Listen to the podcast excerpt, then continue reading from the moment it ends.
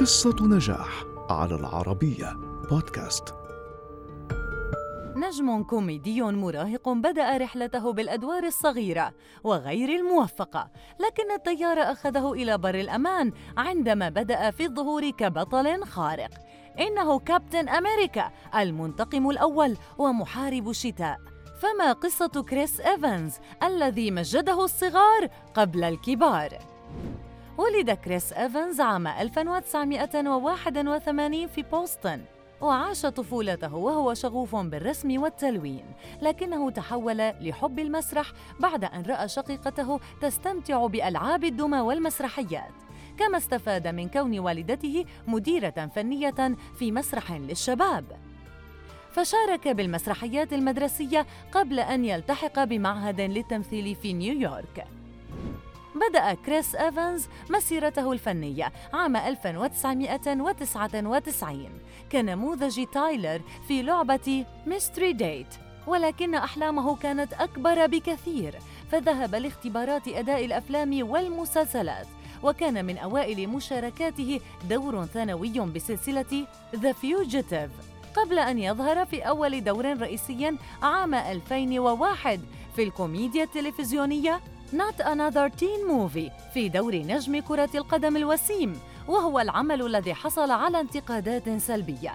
شارك كريس في بعض الأدوار الصغيرة مع بداية الألفية حيث شارك في مسلسلات الكوميديا التلفزيونية مثل Eastwick و The Perfect Score قبل أن يجد مكاناً له على الشاشة الكبيرة عام 2005 في دور البطولة البشري جوني ستورم في فيلم Fantastic Four لكن هذا الفيلم لم يلقى استحسان المعجبين.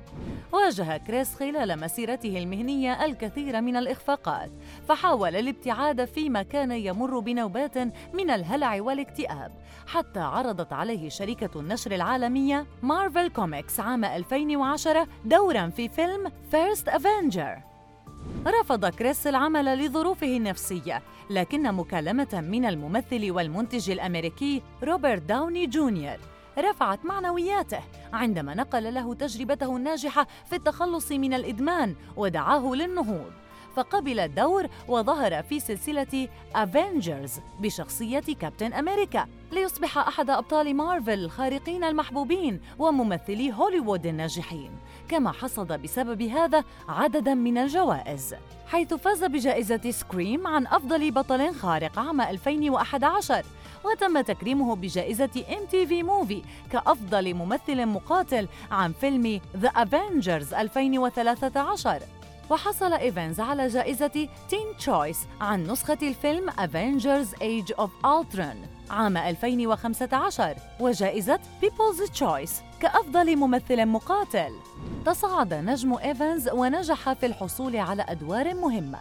فظهر كقائد لثورة التصدي للاحتباس الحراري في Snowpiercer ثم كمحقق في فيلم Knives Out الذي حصد عنه جائزة جوبيتر عام 2021 تبلغ ثروة كريس إيفنز 80 مليون دولار وفي رصيده نحو 53 عملاً حصل خلالها على عدد من الجوائز والتكريمات جعلته مؤهلاً لأدوار بطولية.